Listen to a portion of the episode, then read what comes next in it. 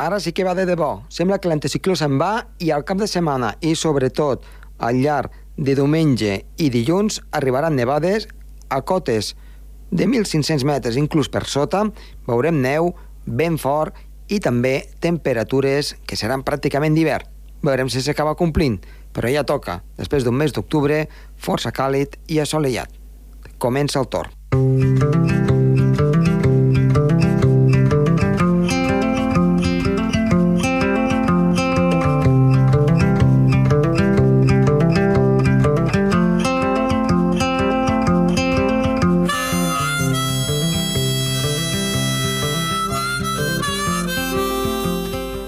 Doncs iniciem el torn parlant, en aquest cas, amb Gerard Tauler, sobre, com, com sempre fem, eh, sobre situacions meteorològiques que es poden viure arreu del món, en aquest cas també doncs, aquí ben a prop nostre. Després doncs, tindrem una, una breu xerrada amb Sergi Càrceles, que també ens portarà doncs, les novetats meteorològiques i climàtiques.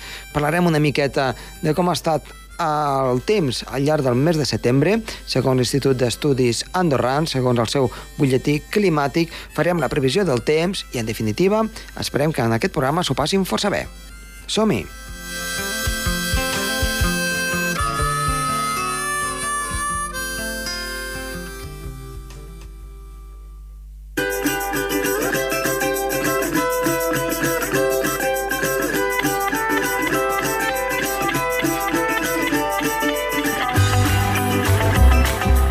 Iniciem el programa amb Gerard Tauler. Gerard, molt bona tarda. Hola, molt bona tarda, Josep Tomàs. Avui ens portes glaceres del Pirineu. Um, què els està passant últimament? Sembla que la cosa doncs, va de baixa, no? Estan retrocedint, sí. La causa deu ser el canvi climàtic, suposo. Sí, el canvi climàtic, l'escalfament, les temperatures estan pujant, sobretot a alta muntanya, fins i tot Mhm. més que les valls, més de dos graus, segons diferents estudis, en els últims 40 anys, per exemple, el Servei Meteorològic de Catalunya, i la precipitació està disminuint um, més o menys un 10% en els últims anys. Està nevant menys Mhm. i les temperatures, sobretot a l'estiu, estan pujant molt més que l'hivern. I se sap que la, el balanç d'una glacera depèn això, molt de la temperatura estiuenca, com més baixa millor per, per, perquè pugui aguantar la neu tot l'any i el gel i, i, i, la, i la, com no neva tant també es fon més. Uh -huh. Perquè la, les glaceres que encara resten al, al Pirineu uh, ja no tenen llengua, no? Són únicament de capçalera, diguem-ne. Sí, de circ. Per tant, no, no hi ha cap tipus de llengua glacial que, que resti en algun raconet eh, No. de cap tipus. No, no, no, no, no. Sigui, Per tant, si volem veure-les... La, la, tenim la de la Maladeta, la Sí. del Mont Perdut, però s'estan escardant, són meteorret, la, les imatges que veig doncs uh, estan perdent quantitat de, de, de, de neu. Molt ràpidament. Gel. Mm, eh, també la de Vinyamales, suposo que també, doncs, eh, També, també, també. que és una de les que Mira, aguantava millor, aquí, no? aquí en un escrit dels treballs de la, Segur- de la Societat Catalana de Geografia del 2001, del Mm. 2001, eh, ja parlo de fa 16 anys, de Sí. Luis Cácer i d'en Fernando Lampre, diu el 1894 el cartògraf Schrader va medir 1.779 hectàrees glaciades, només sobre les vessants superena, superenaica, Mhm. una quantitat més de 5 vegades superior a l'actual, a l'any 2001. I ara segurament deu ser la meitat del 2001. Ja. Imagina't, en, en només ce- 120 anys, la quantitat de, de neu, ai, de, de, de, de gel, ha disminuït una, un 90%. Mm -hmm. Per tant, És molt important aquesta dada. Per tant, si no hi la ha- temperatura ha pujat i el canvi climàtic és inqüestionable, però molt que hi hagi molta gent que el qüestioni. mm, per tant, en pocs anys, 20-30 anys, eh, pensem que les glaceres del Pirineu hauran Sí, desaparegut del segurament desapareixeran. Si continuem amb aquest procés, aquest ritme de- d'escalfament climàtic i de disminució de la precipitació, cada cop disminueix la neu, Mhm. Per exemple, hi ha uh, investigadors de- de- d'aquí, de, de, de la Universitat de Barcelona, en Gómez Ortiz, i un altre company, que ara no me'n recordo el nom, que diu que a Núria realment la quantitat de neu no, només dura doncs, ben bé 80 dies a l'any, la, Mhm. la quantitat de neu al terra, és molt poc, però, però per estar a 1.971 metres. Mhm. I, I la quantitat de neu, a més, varia molt d'un any per un altre. I ara han sorgit estudis que diuen que el vòrtex polar cada cop és més... està més, com se diu, centrat cap al pol. Sí. Disminueixen la, la, les entrades d'aire fred. Per tant, està, està, està diguem-ne, més, més confinada allà dalt, no? Sí, sí, sí. I això, de, Hi ha, hi ha, hi ha circulacions massa de, de, de, de bloqueig. ja, I això vol dir que no hi ha I- tantes i- entrades d'aire no fred. neva, no neva tant com abans, no? Mhm. A, a la cara nord la, la, la situació és la mateixa, suposo. Sí, a la cara no, sí, però clar, està molt millor, evidentment. Mhm. És que la vessant sud i sobretot a la, a la zona de Girona, el Pirineu gironí, Mhm. és on, on hi ha menys neu, Mhm. on la, la, la inhibició és més curta de tot el Pirineu. Mhm. Perquè estem a, en una zona de- d'abric aerològic, Sí. el ponent arriba més sec, les estacions de mestral, les que donen més neu, doncs eh, estan protegits per les muntanyes. Mhm. En canvi, la cara nord doncs, reba més, la, la, les nevades. Doncs Gerard, Eh, eh, és molt important, eh, la neu i la quantitat de neu que hi ha al Pirineu, bueno, i en to- en general a les serralades, perquè són la font d'aigua de, de, de les zones baixes, no? I ara ho veiem amb aquesta quantitat de sequera, que si no neva aquest proper hivern i ni, ni, ni plou a la primavera ni aquesta tardor, patirem la sequera, eh? Vull dir, és, no, sí, clar. és, és molt important. Després d'aquest mes d'octubre que ha fet, eh, eh, És, és un, un octubre Clar. realment insòlid. Insòlid. Ha plogut molt poc, només do, dos dies, i prou. i les temperatures gairebé és el més, més càlid aquí a Girona. Eh, un- Només ha plogut 27 litres i la temperatura mitjana ha sigut de 19 i mig, quan la normal és de, de 15 en 8. Per tant, clar, estem 3-4 graus per damunt del que serien Sí. les mitjanes, no? Sí, Eh, El que equivaldria un mes de setembre, pràcticament, més que un octubre. sí, sí. Per tant, una mica... Uh, això voldria, voldria dir, una mica, eh? Aquí que anem cap a una tendència que tinguem hivern, igualment, però que, que s'escurci. L'hivern s'escurça i Mhm. no neva tant com abans, no? Que tinguem un hivern de, de, de, de 3 mesos justet i, i ja està, no? Eh? Sí. Doncs Gerard, moltíssimes gràcies i Molt bé. continuem en contacte. Vinga, fins la propera. Molt bé, igualment. Vinga, Adéu-siau. adéu, Josep Tomàs. Adéu.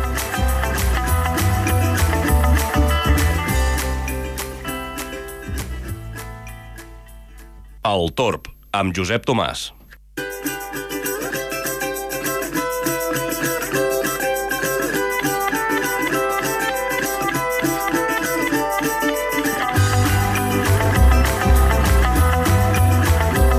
Continuem amb el programa, avui de nou amb Sergi Càrteles. Sergi, molt bona tarda.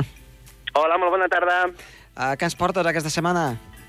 Doncs aquesta tarda, aquesta setmana, doncs us porto una temàtica que ens ha afectat aquests dies anteriors i és aquest anticicló que ha estat a sobre nostra i que ens ha portat aquest temps de sequetat de molts dies de sol i molts pocs núvols. I a part doncs parlarem també una mica de la boira. Doncs fantàstic, perquè és veritat, després de les pluges de d'ara fa doncs, una setmana pràcticament, eh, hem tornat al mateix. Potser no amb tanta calor, però, però déu nhi amb avorriment meteorològic.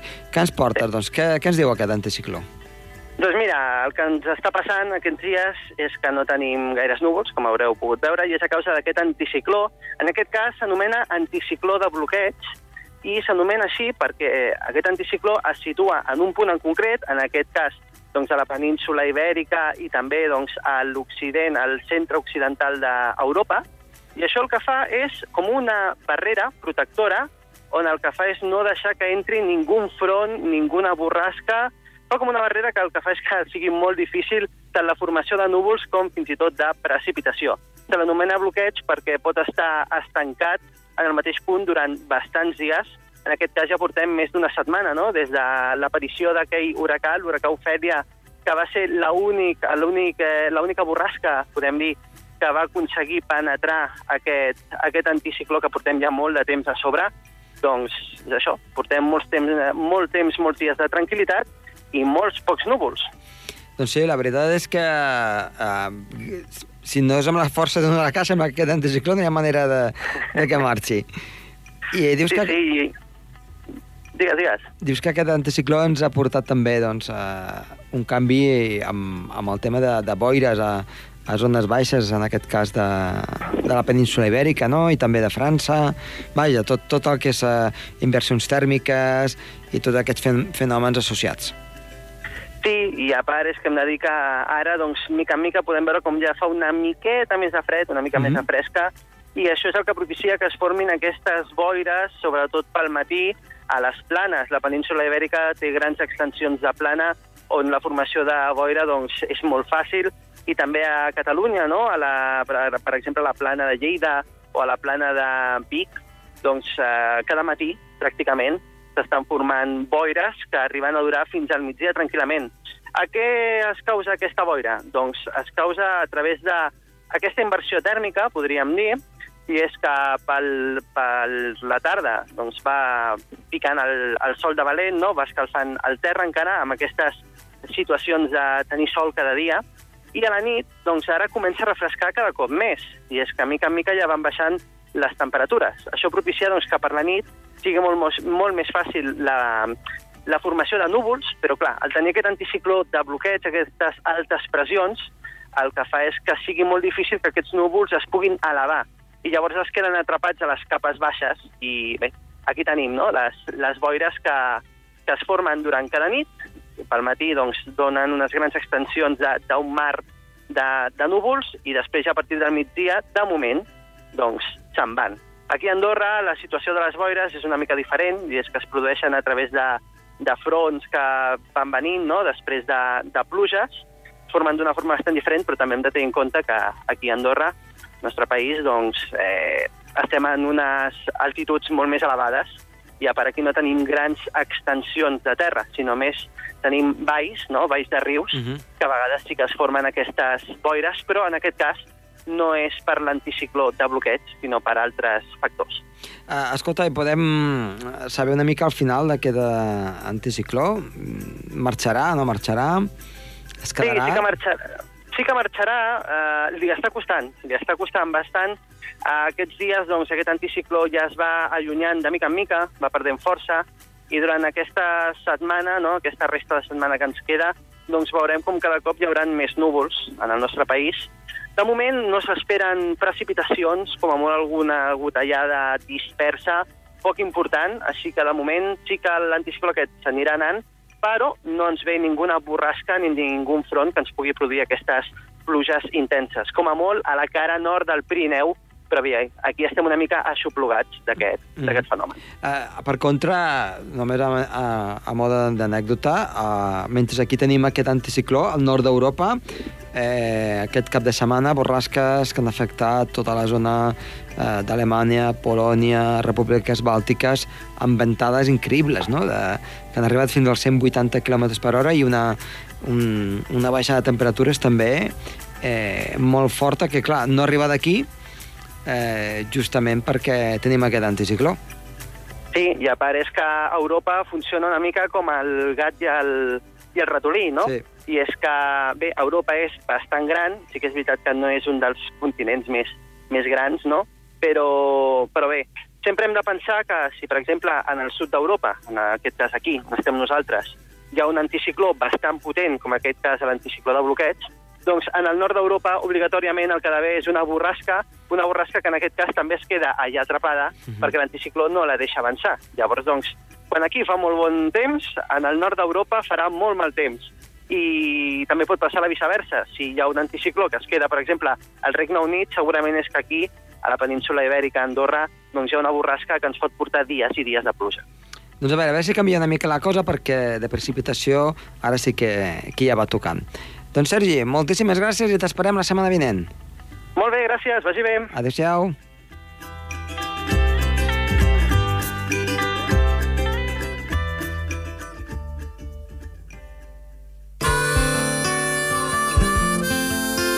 El Torb, amb Josep Tomàs.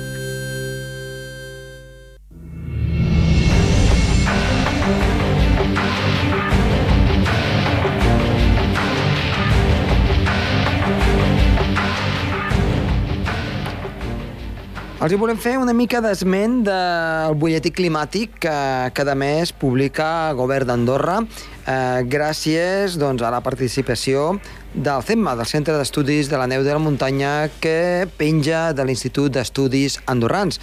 I el butlletí climàtic del qual els hi volem parlar eh, molt breument és el del mes de setembre. D'aquí poquet doncs, sortirà el del mes d'octubre, per fer una mica de resum del que ha anat succeint aquí al país al llarg d'aquests últims dies. Però el mes de setembre també resulta força curiós, perquè venim d'un estiu força sec i calorós, per dir-ho d'alguna manera, segons les darreres dades, i en canvi el mes de setembre, eh, per fer un resum així mm, doncs, molt esquemàtic, eh, hauria estat més aviat fred i sec.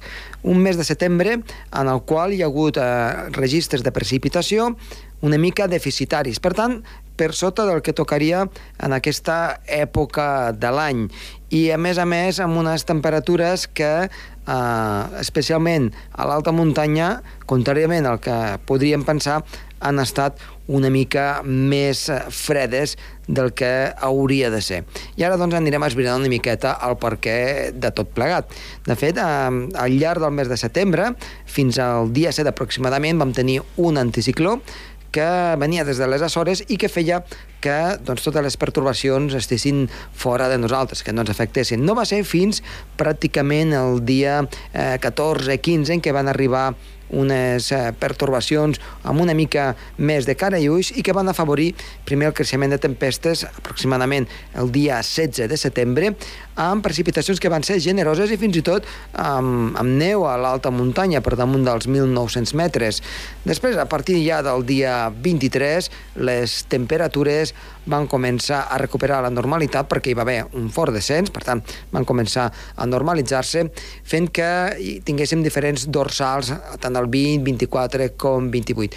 En aquests períodes eh, hi van haver una sèrie de tempestes que van afectar a tot el nostre territori de manera molt irregular.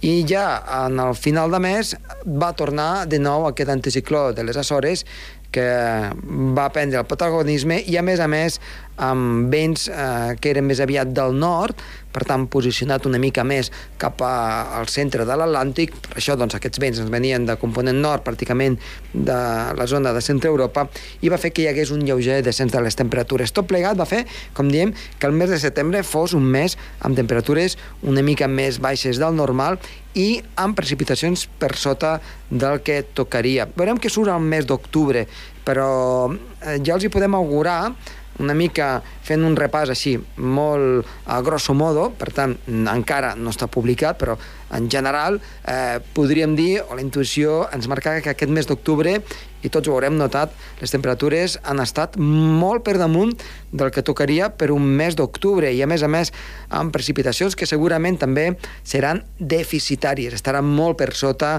del que seria un mes d'octubre. Acabem fent una mica de repàs del que dèiem del mes de setembre en quant a temperatura. Eh, mirin, la temperatura mitjana ha sigut inferior als 15 graus tant al fons de la vall eh, del que és Andorra, Sant Julià i Escaldes, eh, inferior als 10 graus centígrads a 1.500 metres i inferior a 5 graus per sobre dels 2.500 metres. Això significa doncs, que eh, hi ha hagut un, un descens de la temperatura mitjana. Per tant, hem estat per sota del que tocaria, per tant, amb una mica més de fred. Parlem sempre del mes de setembre. En quant a temperatures, eh, per exemple, de, de gelada, es van a registrar 6 dies consecutius de gelada eh, per sobre dels 1.500 metres.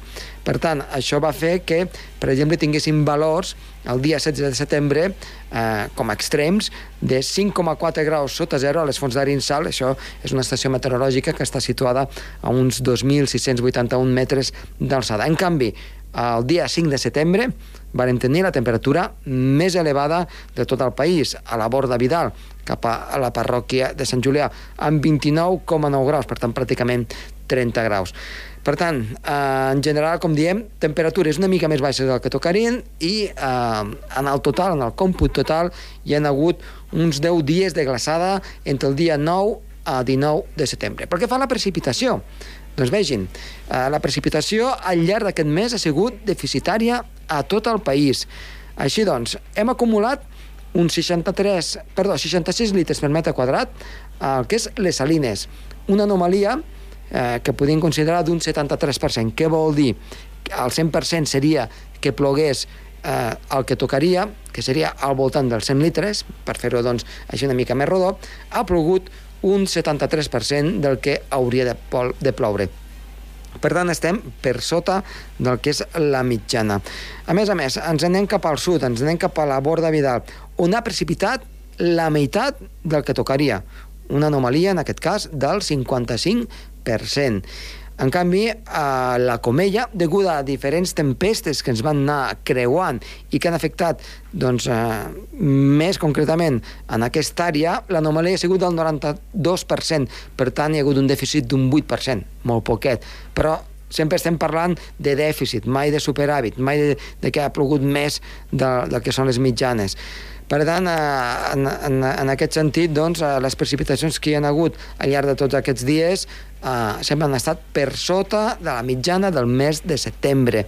Um, com a nota a destacar, per exemple, que um, cap als 1.900 metres uh, a mitjans de setembre es van acumular um, precipitacions en forma de neu que van arribar a agafar fins als 1.800 aproximadament, però es va veure nevar fins als 1.700 metres. Això va ser la tarda del dia 16. I que per damunt dels 2.500 metres es van arribar a acumular uns valors al voltant dels 20-25 centímetres de neu. Això va fer que fins i tot doncs, alguns valents per damunt d'aquestes cotes, especialment per damunt dels 2.500 metres, eh, fessin alguna baixada amb esquís vam poder veure doncs, alguna altra imatge d'alguna traça. Evidentment, aquesta neu després, amb les altes temperatures del mes d'octubre, ha anat marxant, excepte de les zones obagues on encara doncs, hi han restes evidentment d'alguna congesta que hi ha eh, durant tot l'any, més aquesta neu que s'ha doncs, quedat a l'alta muntanya, degut a que, malgrat que el mes d'octubre de moment doncs, ha estat força càlid, sí que a l'alta muntanya han, han continuat les temperatures més o menys fresques, amb alguna doncs, tímida eh, gelada. Però, en definitiva, eh, el que els diem, i resumint, les temperatures han estat més baixes del que tocaria i, sobretot, la precipitació ha estat també més baixa.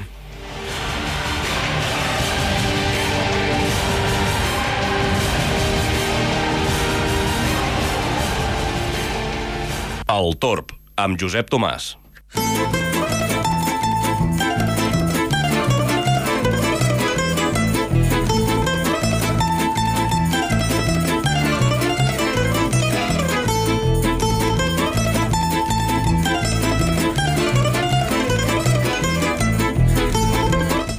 Doncs el panorama que ens espera per aquest cap de setmana és de canvi de temps i és que l'anticicló se'n va i poquet a poquet la situació meteorològica esdevindrà cada cop més inestable. Arriba una perturbació al llarg del cap de setmana que donarà precipitacions dissabte a partir de la tarda i fins diumenge al matí aproximadament. Es creua aquesta pertorbació, eh, doncs, eh, deixant precipitacions que poden ser puntualment eh, generoses i amb una cota de neu alta, 2.200, 2.300 metres, davallant cap als 2.000 metres. Per tant, una típica pertorbació de tardor. Però hi ha un però, i és que diumenge, a partir de mig matí, es pot obrir alguna clariana, sembla que el temps podria millorar ràpidament, però no ens en fiem van a l'alta muntanya, perquè la perturbació se situa de tal manera que a partir de migdia, primera de la tarda, començaran a entrar vents de component nord a nord-oest i això farà que hi hagi un descens brusc de les temperatures i que a la, nord, a la cara nord s'acumulin molta nuvolositat i comenci a nevar. I comenci a nevar perquè el fred serà intens.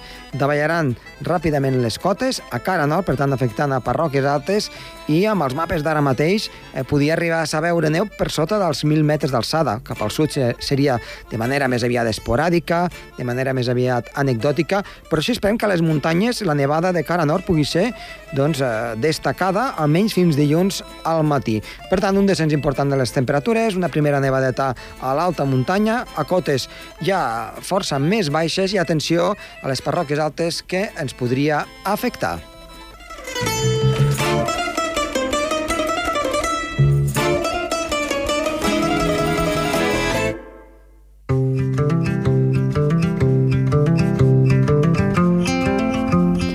Doncs esperarem aquestes novetats pel cap de setmana. Nosaltres ho hem de deixar aquí, ha estat a les vies de so, a Toni Escur, i que els ha parlat amb molt de gust, Josep Tomàs. Adéu-siau.